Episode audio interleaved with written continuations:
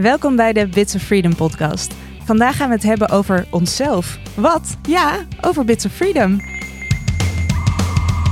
Geen datalekken, achterbakse tracking, geen bizarre wetten, gewoon geen wereldvreemde shit voor het wereldwijde web.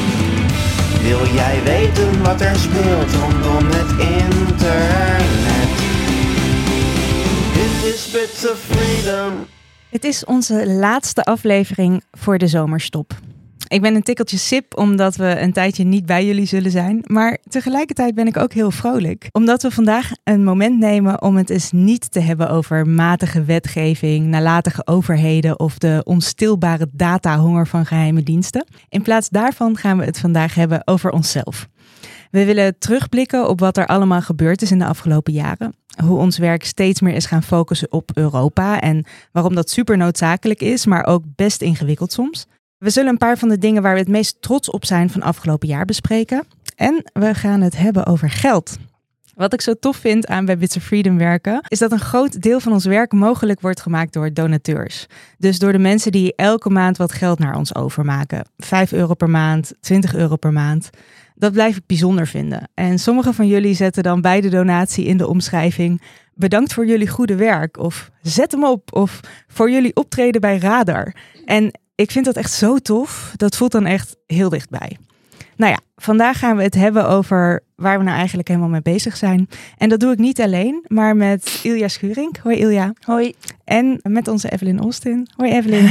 Hallo Inge. Op naar de laatste aflevering voor de zomerstop.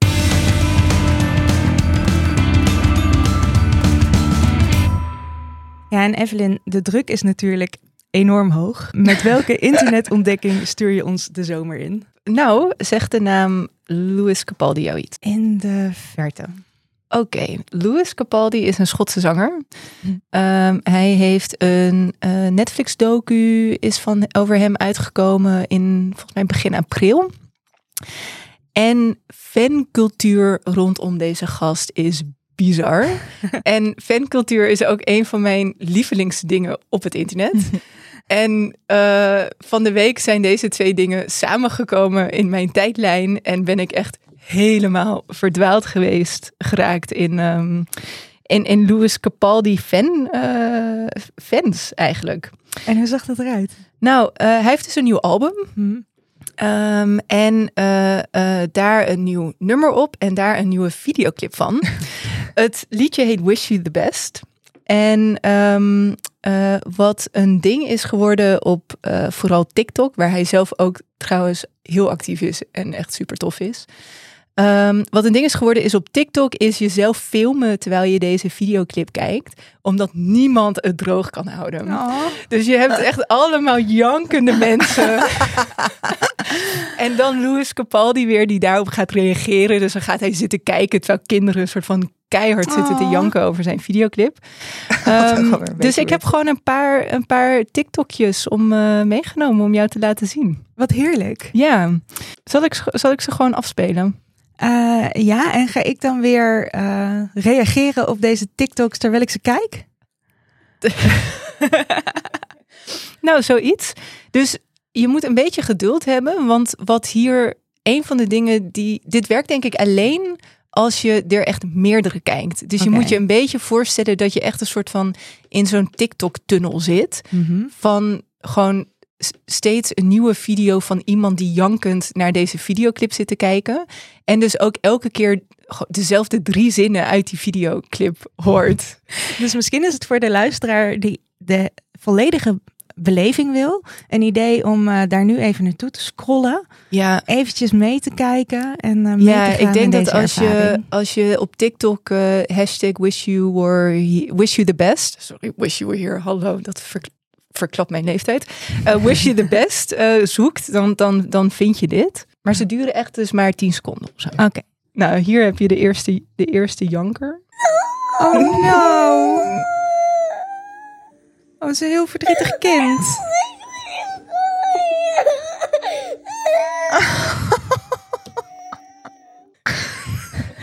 Even kijken, dan heb je hier nog een. Oh ja, dan zien we splitscreen. En hier zie je hem ook links. En hij die heel verbaasd reageert. Oh, gossie. En het leuke is, en dit vind ik dus heel tof aan het internet. eh, dus hij is heel actief op TikTok. Dus tijdens een recent eh, optreden van hem gebeurde dit. wanted to go viral on TikTok for so long. but I never thought I would do it by traumatizing children. However, I've got a mortgage to pay, so you better cry, fucking kids. Yeah, let's make those kids cry. Nou goed, dus en eh, er is zoveel ook rondom zijn, gewoon überhaupt zijn soort online persona, wat heel interessant is. Hij engaged echt heel veel, dus hij is heel actief op TikTok. Engaged heel veel met fans. eh, is heel open, ook helemaal van deze tijd natuurlijk, heel open over zijn eh, mentale gezondheid. Dus dat is waar zijn documentaire over gaat. En je ziet een enorm spanningsveld ook tussen. Dus dat hij dat doet, die engagement heeft met mensen en daarin ook echt heel oprecht lijkt. En hoe zwaar dat hem valt. Maar dat lijkt me er dus zo moeilijk aan. Want dat zie je ook wel aan influencers of aan mensen die influencer proberen te zijn. Zeg maar, om die mate van engagement te hebben, moet je echt, nou ja, ongeveer je hele leven laten zien. Dat is super zwaar. Ja. Maar als je dat dan niet meer doet, dan verlies je ook de betrokkenheid, verlies je de fans. Nou ja, zoals hij zelf zegt, kan die straks de hypotheek niet meer betalen. Ja. Ehm, dus ik vind het wel een, nou ja, een, een heel deel van je privé die je dan zo online gooit, Ja. ook voor werk. Ja. Wat ik opvallend vond, was dat hij ook in een interview op een gegeven moment zegt: als, als hij 20 of 30 jaar geleden eh, net zoveel eh soort platen had verkocht als nu, was hij gewoon binnen. Ja. Maar in deze tijd eh, moet hij het ook echt hebben van die hele online shit en alles eromheen, wat inderdaad, ja, wat er gewoon een soort van baan ernaast is of zo. Ja, Want je, ik, ik- je zou ergens denken, ja, een, anders dan een influencer is een muzikant. Een muzikant heeft een beroep en doet daarnaast dingen online. ja. Maar dat, ja, die scheidslijn is denk ik ook echt steeds vager aan Nee, het, het eh, wordt aan ook echt worden. Verwacht van platenlabels Mm. en eh, dat je die online presence hebt. En er wordt natuurlijk ook echt naar gekeken. En artiesten worden ook echt gestimuleerd om zo actief te zijn op TikTok Mm. bijvoorbeeld. Mm. Ik denk dat dat ook heel gek is, omdat dat ook wel een bepaalde persoonlijkheid vraagt of een bepaalde eh, betrokkenheid online vraagt die sommige muzikanten die misschien heel goed zijn, maar dat niet willen doen, misschien nu helemaal niet de aandacht krijgen. Ja, ja. Ja, en bij hem is het ook zo. Je moet echt zijn TikTok. Ik vind het echt fascinerend. Zijn hele ding is zichzelf neerhalen. Dat is een soort van de grap die hij keer Mhm. op keer op keer op keer maakt. Maar dat is dus de, ook gewoon de grap die hij jaar in jaar uit, dag in dag uit aan het maken is. En dat kan je toch ook niet helemaal in de koude kleren gaan zitten. Klinkt ook niet heel gezond Dat voor je je niet vol. mental health. Nee. Bedankt voor het delen. Als je. Ik ga het thuis nog even goed nakijken, zodat ik echt even in die, eh, in die funnel van eh, reacties Lekker. kom. En eh, ik ga even kijken hoe ik deze in de show, ja, links naar TikTok, is dat dan wat we doen bij Bits of Freedom? Zetten we die in de show notes? Ik zou zeggen naar TikTok, naar YouTube voor wie de video wil bekijken. En naar Spotify voor wie het wil luisteren. Gewoon allemaal big tech linkjes hoor. Oké, gaan we doen. Dankjewel.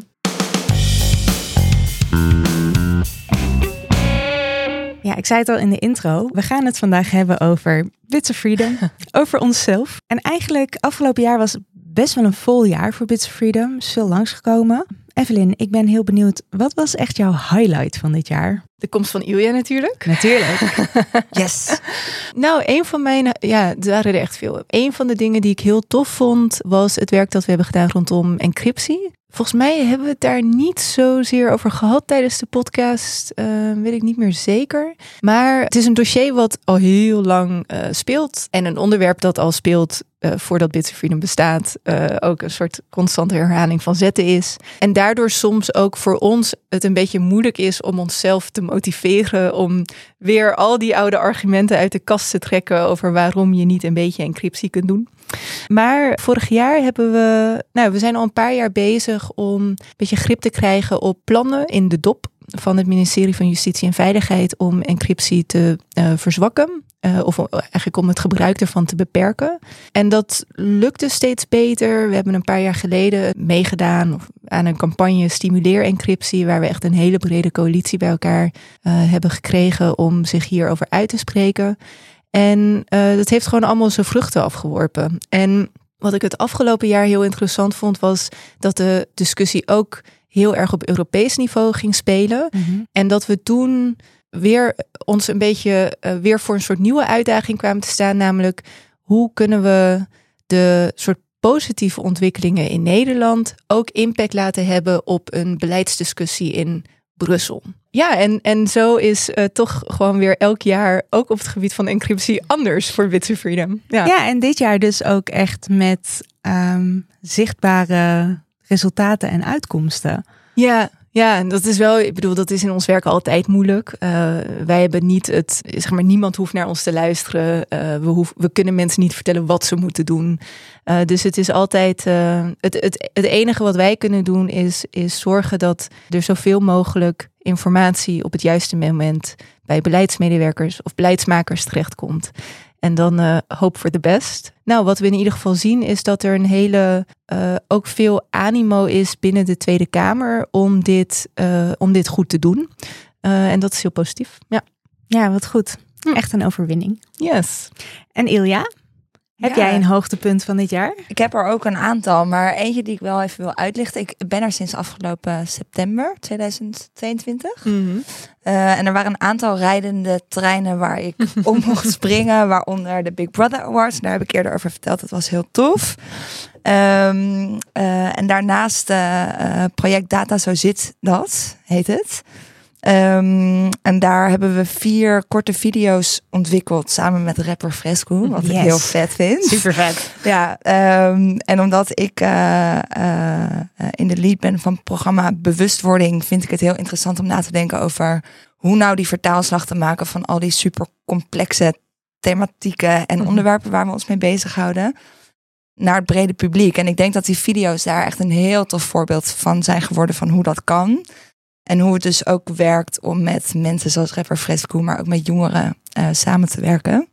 Eh, dus dat is er een waar ik zelf wel echt heel erg trots eh, op, op ben op het eindresultaat. Ja, waren ook echt hele vette Ja, hè? video's. Ja. En heel begrijpelijk ook. Maar ook niet, wat ik er heel tof aan vond, was dat het niet ehm, heel platgeslagen was. Dus Nee. dat er gewoon ook nog wel heel veel informatie gegeven werd.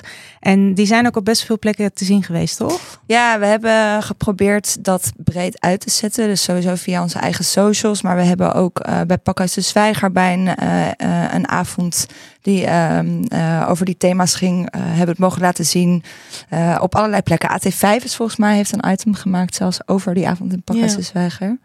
Maar we hebben dat geprobeerd zo op allemaal plekken in te pluggen. En Ja. eh, die video's... eh, En ze zijn ook beschikbaar voor mensen die ze gewoon willen gebruiken, toch? In lessen of lespakketten. Zeker, ze zitten nog niet echt in een officieel lespakket. Daar ga ik mee bezig. Ehm, eh, maar je kunt ze gewoon vinden op onze website. En volgens mij ook als je gewoon naar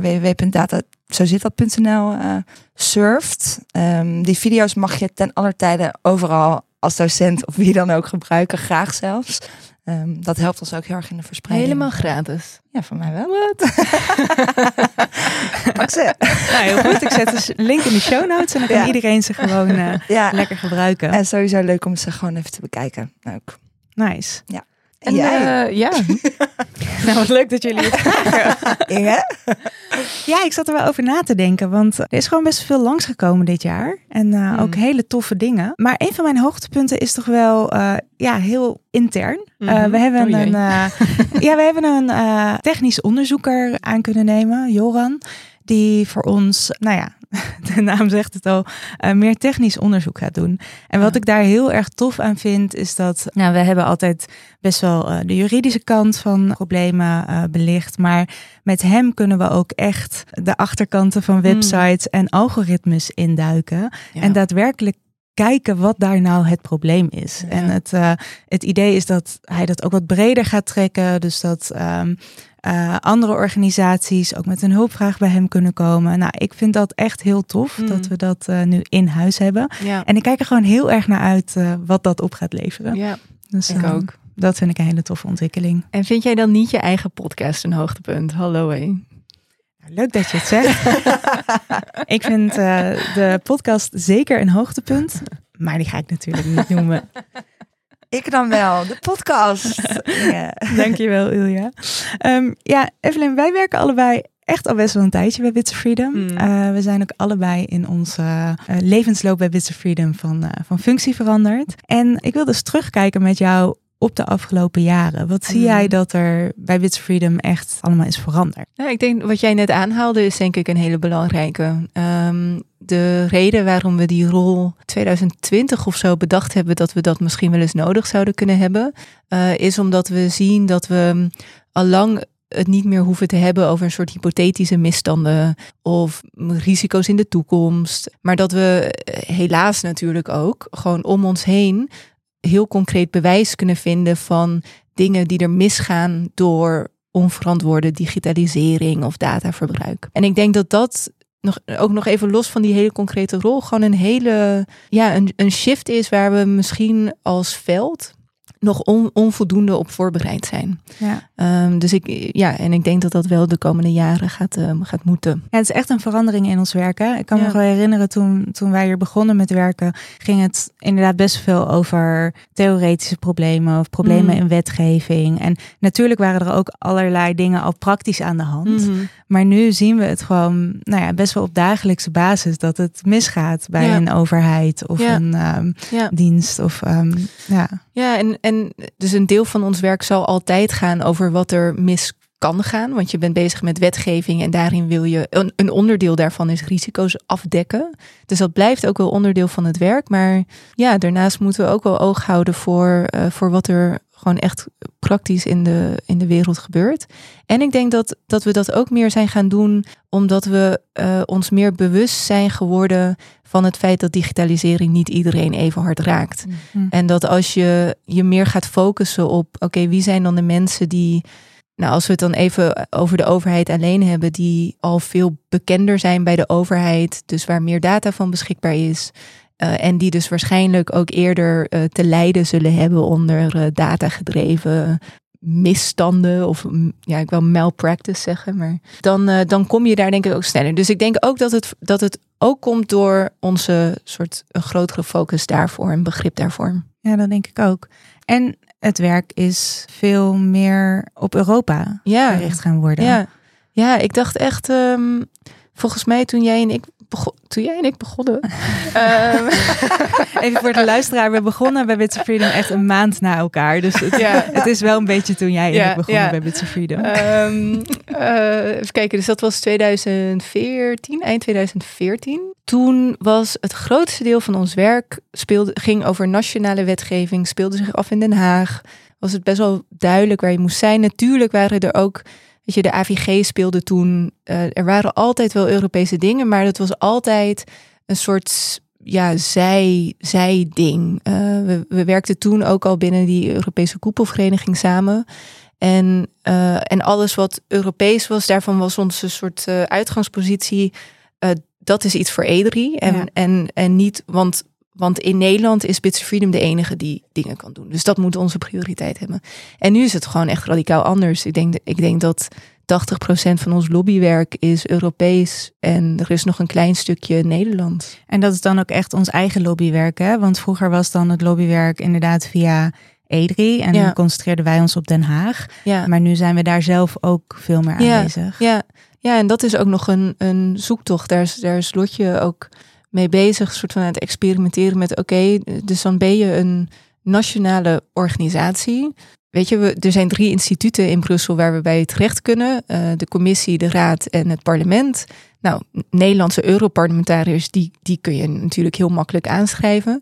Maar hoe beïnvloed je de raad via de Nederlandse vertegenwoordiging daarin? En hoe beïnvloed je de commissie die echt veel meer op afstand staat en die voor ons, ja, waar voor ons een veel minder natuurlijke ingang is. Dus dat is een zoektocht nog. En wat me ook wel een zoektocht daarin lijkt, is dat er in Europa natuurlijk echt een enorme techlobby aanwezig is. ja, Ehm, heel veel dat is ook geld heel anders. Ja. in ja. omgaat. eh, anders dan alleen in Den Haag. Ja. Hoe staan wij daarin als Bits of Freedom? Zeg maar, hoe gaan we daarmee om? Dus ik zei, dat is heel anders dan in Nederland. Ja, nou, ik weet eigenlijk niet of ik het daar helemaal mee eens ben, maar laten we die even parkeren. Ehm, ik denk dat er een aantal dingen heel belangrijk zijn. Eh, de eerste is, kijk, in tegenstelling tot veel mensen die bij Facebook werken, vinden mensen die bij Bits Freedom werken dat leuk om te doen. En ik denk dat het feit dat mensen die bij ons komen werken en die er, die het, weet je, je, je moet niet bij ons komen werken voor het geld, voor de soort allure of eh, whatever. Ehm, dat betekent dat mensen super bevlogen zijn en dat je ook ja, heel veel bang for your buck krijgt. Eh, dus een, een euro die Bits of Freedom besteedt, daar, daar, daar krijg je meer van dan een euro die Facebook besteedt. Om het maar in die termen ehm, eh, uit te drukken. Eh, dus, dus we moeten denk ik niet alleen maar naar aantallen of naar geld kijken, maar ook naar impact. En daarvan kun je gewoon de afgelopen jaren zeggen dat het het maatschappelijk middenveld met echt een schrijntje van het geld dat Big Tech heeft, het toch gelukt is om op heel veel vlakken hen te verdrukken. Ik denk dat een andere is dat we eh, steeds meer op zoek zijn, en nou, daar weet Ilja alles van, eh, op zoek zijn naar bredere maatschappelijke coalities. Dus het, het kan niet meer zo zijn dat alleen maar zogenaamde digitale burgerrechtenorganisaties zich bezighouden met wetgeving waar technologie eh, aan te pas komt, want dat is letterlijk alles. Mhm. Uh, dus het, we zijn veel meer ook aan het kijken naar hoe kunnen we andere organisaties die al supergoed werk doen op het gebied van uh, werknemersrechten of antiracisme of migratie, hoe kunnen we met hen samenwerken om te zorgen dat de technologie-specifieke aspecten van de impact daar ook goed worden uh, geadresseerd. En het derde zou ik zeggen is uh, dat je echt um, uh, gewoon een lange adem moet hebben. En dat betekent voor, nou ja, als ik dan een soort van de directeurspet opzet, betekent dat dat je vooral heel goed voor, voor mensen moet zorgen. Uh, want je wilt dat mensen lang bij je blijven. Uh, je wilt dat mensen met plezier hun werk doen. Dat ze dat werk ook kunnen blijven doen. Dus een soort mensen in, in drie jaar opbranden. Dat is echt, uh, het is echt het domste wat je strategisch kunt doen. Naast dat het gewoon moreel niet in de haak is. Ik ben eigenlijk wel benieuwd, uh, als we het over geld hebben ook. Um, want ik weet uh, dat we van sommige partijen uh, ook bijvoorbeeld niet geld aannemen. Hmm. Hoe zit dat eigenlijk precies bij Bits of Freedom? Weet je dat niet? ja, hoe dat precies zit. dus we nemen geen overheidsgeld aan. Um, en ook geen geld van bedrijven waar we soort vaak tegenover staan. Of die, die echt een soort van heel duidelijk mensenrechten niet respecteren. Um, we nemen geen geld aan van big tech. Waar we dan wel geld van aannemen, um, zijn van, uh, van individuen, van uh, wel van bedrijven, maar wel van, nou, die gaan bij ons door een heel soort, uh, door een hele selectiecommissie.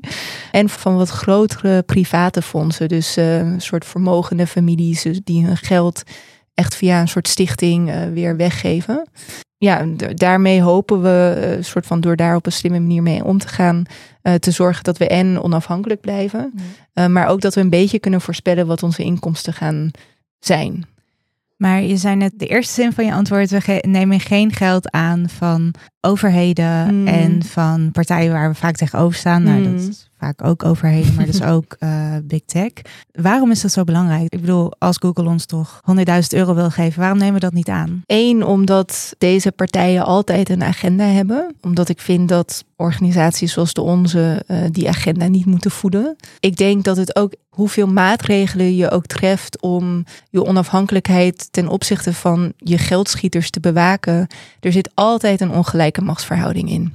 Uh, daar ontkom je niet aan. En we doen dat overigens niet alleen met, uh, met geld, maar we zouden bijvoorbeeld ook niet op uitnodiging van Google uh, een reisje naar Amerika maken om daar uh, onderwezen te worden over waarom Google toch niet de privacy schendt. Dus we proberen op heel veel manieren een soort afstand te bewaken ten opzichte van deze partijen. En, en een van, van de plekken waarop we dat doen is, is in de financiering. En, en het andere is uh, om de schijn van belangenverstrengeling tegen te gaan. Uh, dus wij kunnen wel vinden, oh ja, Google heeft ons een ton gegeven, maar dat betekent niet dat wij Google opeens oké okay vinden. Mm. Als iemand, bijvoorbeeld een beleidsmaker, uh, van ons een, uh, een one-pager krijgt over onze positie ergens op en gaat denken van, oh, wat is dat Bits of Freedom eigenlijk? Daarin ziet dat wij gefinancierd worden door Google, dan lees je zo'n one-pager heel anders. En dat is een soort ruis waarvan we hem gewoon ons niet kunnen veroorloven. En het zou ook gewoon een beetje vies voelen, toch? Ik denk dat er heel veel mensen hier ook zouden weglopen. ja, ja. Ja. We zeiden net al even waar we wel geld van eh, aannemen. Dat zijn dus bedrijven die door een strenge controle zijn geweest. Namelijk onze bedrijfsdonateurscommissie.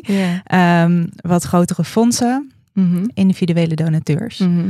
Dat heeft idealiter ook nog een bepaalde financieringsmix, toch? Ja. Kijk, Hoe dat? dit is, dit is de soort kennis die je hebt als je hier al 12.000 jaar werkt. Ik ben aan het luisteren en alles aan het opslaan. Ja, dus we hebben ook een eh, gewenste financieringsmix. En om het echt nog saaier te maken, ook een gewenste continuïteitsreserve. Ehm, jij en ik zijn de enige binnen de organisatie die blij worden van dit soort eh, dingen. Dus qua financieringsmix proberen we ongeveer de helft van onze inkomsten bij individuele donateurs eh, op te halen. Dat doen we omdat we geloven dat eh, dat het meest duurzaam is. Dus die mensen waar jij het over had, die eh, leuke berichten voor ons over, Ja. achterlaten als ze geld overmaken. Het is super niet aannemelijk dat die mensen een soort van masse besluiten. Oh, vanaf volgend jaar hou ik op met donateur zijn. Dus je, ehm, ja, je hebt daar gewoon de, de meest betrouwbare soort inkomstenbron. Dus daar proberen we vooral op in te zetten. Hoewel we het wel een beetje merken nu. We merkten eh, tijdens corona Ja, dat ja. mensen wat minder donateur werden of toch meer gingen Ja, overwegen. Zowel, ja, dus tijdens corona merkten we een soort van grotere donateursgroei en een groter donateursverloop. Eh, toen hebben we ook echt de, de, de broekriem aangehaald. Dat is een goede uitdrukking, toch? Ja.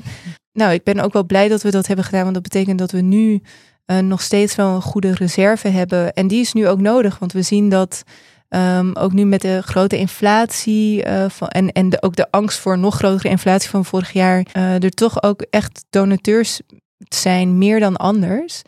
die ons mailen en zeggen: Yo, ik, ik kan het gewoon even niet meer bolwerken. Eh, dus ja, er zit, er zit zeker ja, een, ook een verandering daarin. Gelukkig zien we ook dat, dat er meer fondsen zijn die werkzaam zijn op ons terrein. Dus we hebben het, eh, we hebben het de afgelopen jaren wel kunnen, kunnen rondkrijgen. Eh, maar het is, eh, ja, de komende jaren ga- gaat wel ook echt, eh, of jaren, ja, anderhalf jaar, gaat wel ook echt in teken staan van: oké, hoe kunnen we die, eh, die groep individuele donateurs, hoe kunnen we die weer laten groeien?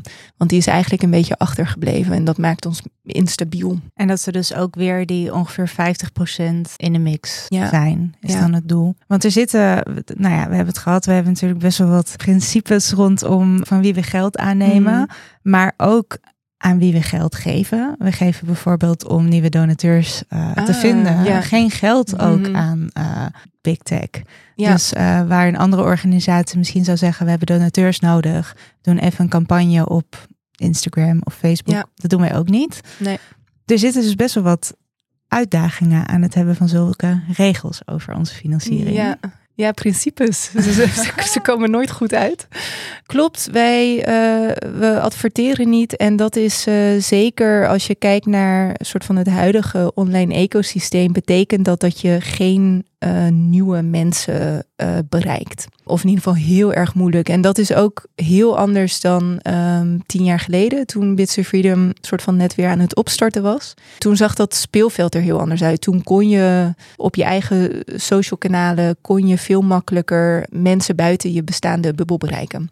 Dus ja, dat brengt heel veel uitdagingen met zich mee, klopt. En we hebben een beetje geëxperimenteerd de afgelopen jaren met, oké, waar adverteer je dan wel, eh, zeg maar zonder gebruik te maken van, van profilering? In de bus hebben we gehangen. In de bus, in, In de de, krant. in de krant, in de gids. eh, volgens mij een keer op eh, bepaalde podcasts. En nou ja, omdat we dan, dus naast dat we niet online adverteren, tracken we ook heel weinig.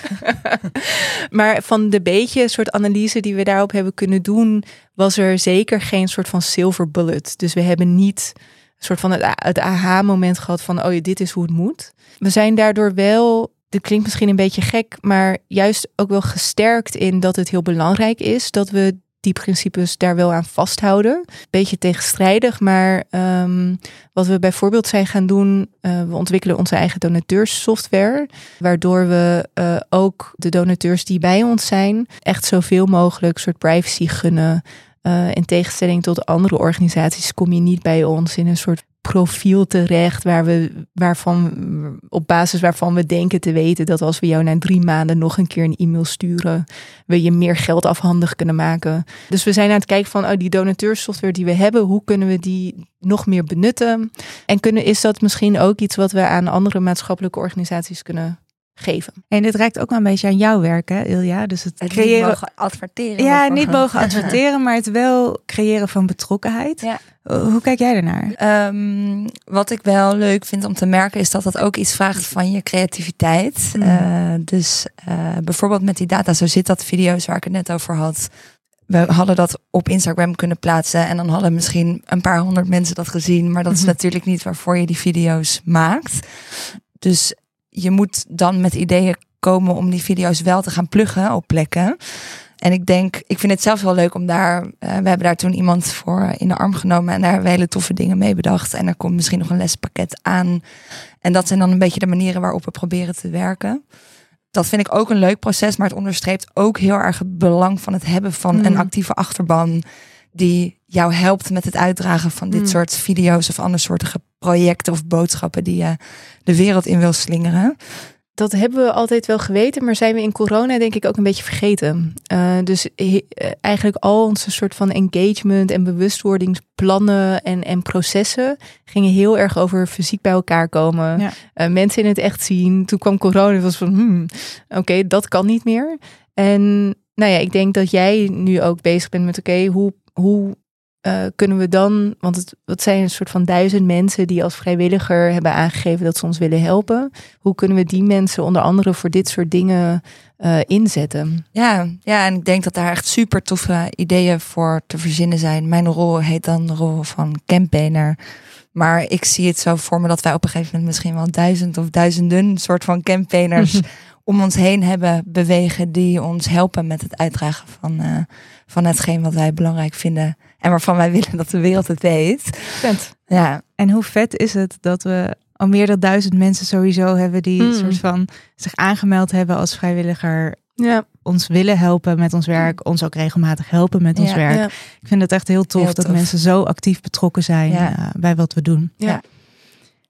De toekomst. Volgend jaar. Ik ben heel benieuwd. We gaan heel veel dingen doen. Eh, we zitten nu vlak voor de zomerstop. Maar wij gaan natuurlijk gewoon door met werken deze zomer. Het is niet dat we eh, de hele zomer dicht gaan. Ilja, waar kijk jij eh, komend jaar het meest naar uit wat we gaan doen? Ik ben de afgelopen maanden veel bezig geweest met het opbouwen van ons netwerk binnen het maatschappelijk middenveld. Eh, er komt een hele toffe campagne aan rondom de DSA. En het plan is om daar een soort pilotcampagne omheen te gaan bouwen. Die wij ook in andere Europese lidstaten willen gaan uitrollen. Dus dat wordt eigenlijk voor het eerst dat wij op Europees niveau eh, niet alleen lobby gaan voeren, maar ook Mhm. campagne gaan voeren. Eh, daar ben ik heel benieuwd naar. En ik merk zelf dat ik gewoon heel veel energie krijg van het samenwerken met andere clubs binnen het maatschappelijk middenveld. En ik hoop dat we echt steeds meer kunnen gaan toewerken naar een soort van het vormen van één front. eh, die mee mag en kan praten over eh, belangrijke beslissingen die, die genomen worden. Ehm, dus ik kijk heel erg uit naar het opbouwen van dat netwerk en naar die campagne pilot met andere Europese landen. Ja. Heel vet. Ja. Klinkt als peanuts, een campagne in meerdere lidstaten. Ik heb echt mijn kop er al over gebroken. Maar het wordt heel vet. Keep you posted. Leuk. Nice. En jij, Evelyn? Super moeilijke vraag. Echt een hele moeilijke vraag. Ik ben heel benieuwd naar eh, hoe in Nederland het debat rondom soort al, al onze eh, eh, veiligheids- en inlichtingendiensten zich gaat ontwikkelen. Dat is een, nou ja, ook weer zo'n heel lang lopend dossier voor Bits of Freedom. Ik vind het heel vet wat we de afgelopen jaar daarop hebben bereikt. Maar het wordt wel echt super spannend eh, wat de resultaten daarvan gaan zijn. En misschien in het verlengde daarvan, Ik zie dat je er eentje bij aan het snoepen bent, maar vertel. misschien. Nou, in het verlengde daarvan, dus een onderwerp wat mij echt eindeloos fascineert, is hoe je überhaupt op deze soort van digitaliseringsonderwerpen dat krachtenveld een beetje kunt verschuiven. Dus dat het niet, dat, dat de vraag niet is van moet de macht bij, bij de overheid of bij het bedrijfsleven liggen? Eh, en hoe verdeelt dat zich tussen hun? Eh, maar dat we daar ook gewoon echt een soort van sterke maatschappelijke stakeholder in kunnen wurmen. Dus elke keer als iemand soort de term privaat-publieke samenwerking eh, eh, gebruikt, dan denk ik nee, nee, nee, nee, nee, daar, daar, daar ontbreekt Ja. één belangrijke speler. En jij? Ik heb gewoon heel veel zin om iedereen weer te zien. dus Wie iedereen? Nou, al, dus die hele achterban, maar ook Oh. onze bedrijfsdonateurs. Ah, ja. Ik heb het in de afgelopen jaren best wel gemist dat we Mm. een soort van Ja, contact hadden met mensen. Ja. We hebben de Big Brother Awards eh, georganiseerd Mm. begin dit jaar. Dat vond ik super tof. En we hebben gewoon nu het plan om elk jaar iedereen in ieder geval weer drie keer te zien. Dus Ja. we gaan vanaf volgend jaar 5 mei gaan we de Godwin-lezing weer organiseren. Elk jaar komt weer de Big Brother Awards. Mm. En in september gaan we onze verjaardag vieren. Ja, superleuk. En dat wordt een feestje. Ja. Dus daar kijk ik heel erg naar uit. En volgend jaar bestaan we 25 jaar. Dus dat, wordt echt een big heel party. groot feestje. Ja. Leuk.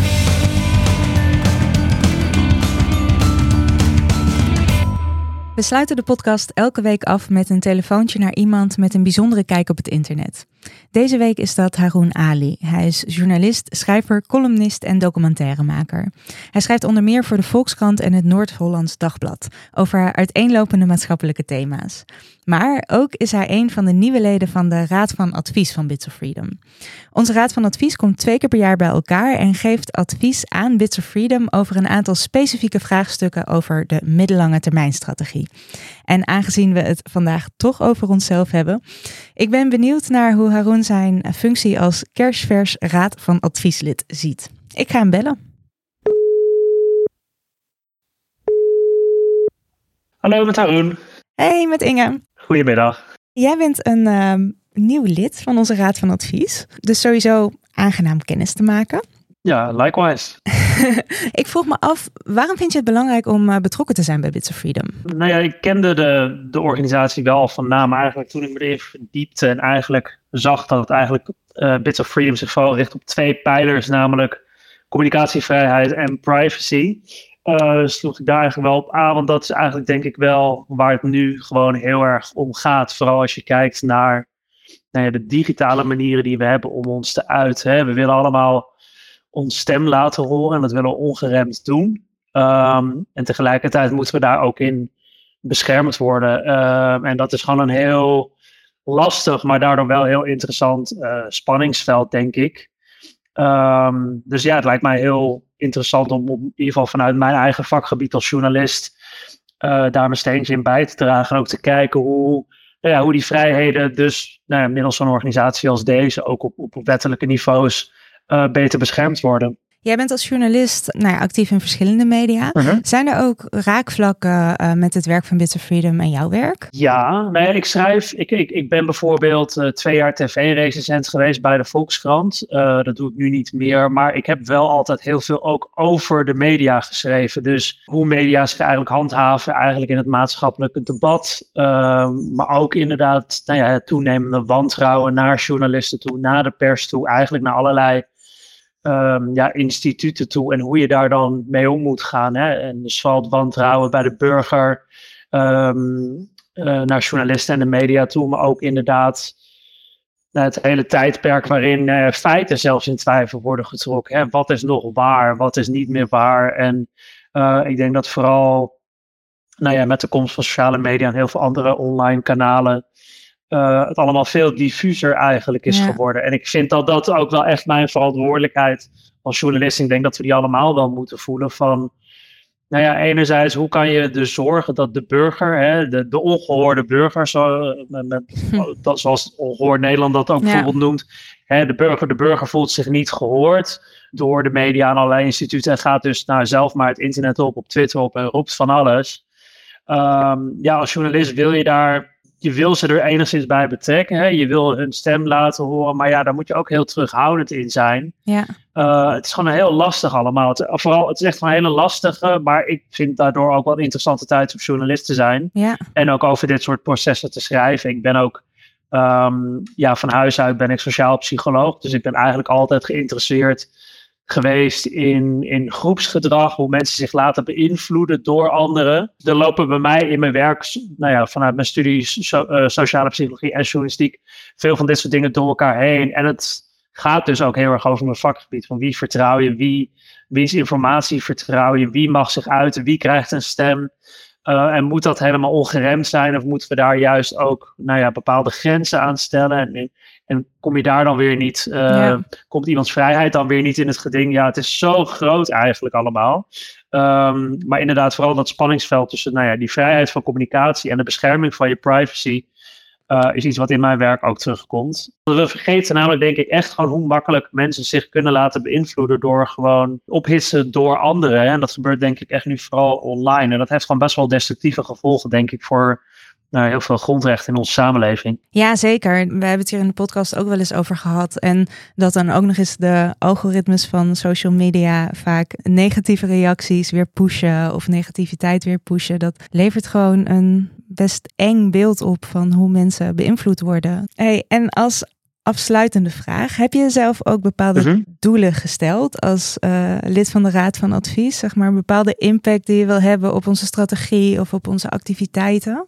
Nou ja, volgens mij van wat ik in ieder geval aan namen zag, is dan een heel mooie gemeleerde groep van mensen. Maar ik ben zelf uh, en bicultureel en ik ben LHBTI'er. En dat, dat is ook iets waar ik me veel mee bezighoud. Mhm. Dus ik, ik, um, nou ja, ik hoop dat dat in de samenstelling van de raad terug is te zien. Maar ook in de onderwerpen waar we ons mee bezighouden. In de invalshoeken die we kiezen om die onderwerpen te lijf te gaan. Dat dat vanuit al die perspectieven gebeurt. Dus dat, dat je ook inderdaad kijkt van wat betekent dat dan voor bepaalde gemarginaliseerde groepen in Nederland. Ja, hoe, hoe, kijken zij naar deze thema's aan? Hoe beïnvloeden bepaalde privacy kwesties hen? Dat is denk ik wel iets waar ik heel veel op zal letten. En ik ben verder denk ik zelf gewoon... Uh, ik ben best wel een sci-fi nerd. Dus ik hou van alles wat met technologie te maken heeft. En alles wat neigt naar futuristisch vind ik al vaak erg interessant om te volgen. En, ja, en iets wat natuurlijk nu enorm speelt is de opkomst van AI. Mhm. Uh, op allerlei fronten. Uh, en ik denk ook als je kijkt naar, nou, naar media, naar communicatie, naar privacy, is dat, is dat AI raakt daar over allemaal aan. En ik denk dat, nou ja, ik wil niet al te onheilspellend klinken, maar ik denk dat AI wel echt gewoon toch een hele grote invloed gaat hebben op ons leven. Dus niet alleen maar hè, een, chatbot waar je vragen aan kunt stellen of die uh, je paper voor je kan schrijven. Maar dat AI echt bijvoorbeeld nou ja, hè, die hele vraag over wat is waar, wat is niet waar, wat is nog een echt mens of wat is geschreven door een echt mens en wat door een robot en welke menselijke taken kunnen vervangen worden door AI. Ik denk dat dat wel een hele grote discussie gaat worden. Ja. Um, en ik denk ook dat daar heel veel privacy gevaren bij komen kijken van als dingen niet meer goed te herleiden zijn uh, naar nou, of de mens is of door een robot geschreven. Ik, ik, denk dat, dat die AI, die technologie in ieder geval, in heel veel verschillende ja, vlakken van onze samenleving terug gaat keren op, op manieren die we misschien nog niet eens kunnen voorstellen. Ja. Dus uh, ik denk dat dat wel iets, een thema zal zijn die ons komende jaren bezig gaat houden. Ja, zeker. Nou, in ieder geval super interessant dat jij uh, dit meeneemt naar onze Raad van Advies. Nogmaals, heel fijn dat je daarin uh, plaatsneemt. En uh, heel erg bedankt dat je eventjes uh, tijd wilde maken voor dit gesprek. Ja, heel graag gedaan en ik heb er zin in. Yes, dankjewel en tot ziens.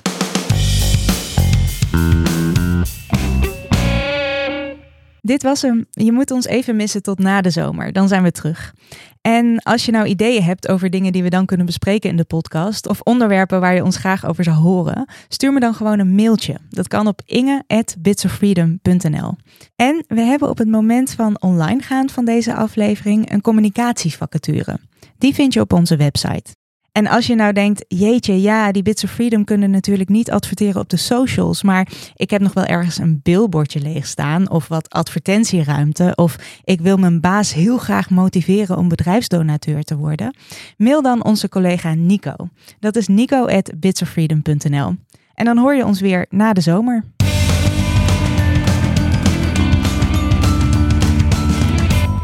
Deze podcast werd gemaakt door Bits of Freedom. Je hoorde mij, Inge Wanet, onze directeur Evelyn Austin en onze campaigner Ilja Schuring. We belden in met Haroon Ali. Onze jingle werd gemaakt door Tim Koehoorn. En de podcast werd geproduceerd en geëdit door Randal Pelen van YOLO Media. Veel dank aan onze donateurs en natuurlijk aan jou, de luisteraar. Geen datalekken, achterbakse tracking, geen bizarre wetten, gewoon geen wereldvreemde shit voor het wereldwijde web. Wil jij weten wat er speelt rondom het internet? Dit is Bits of Freedom.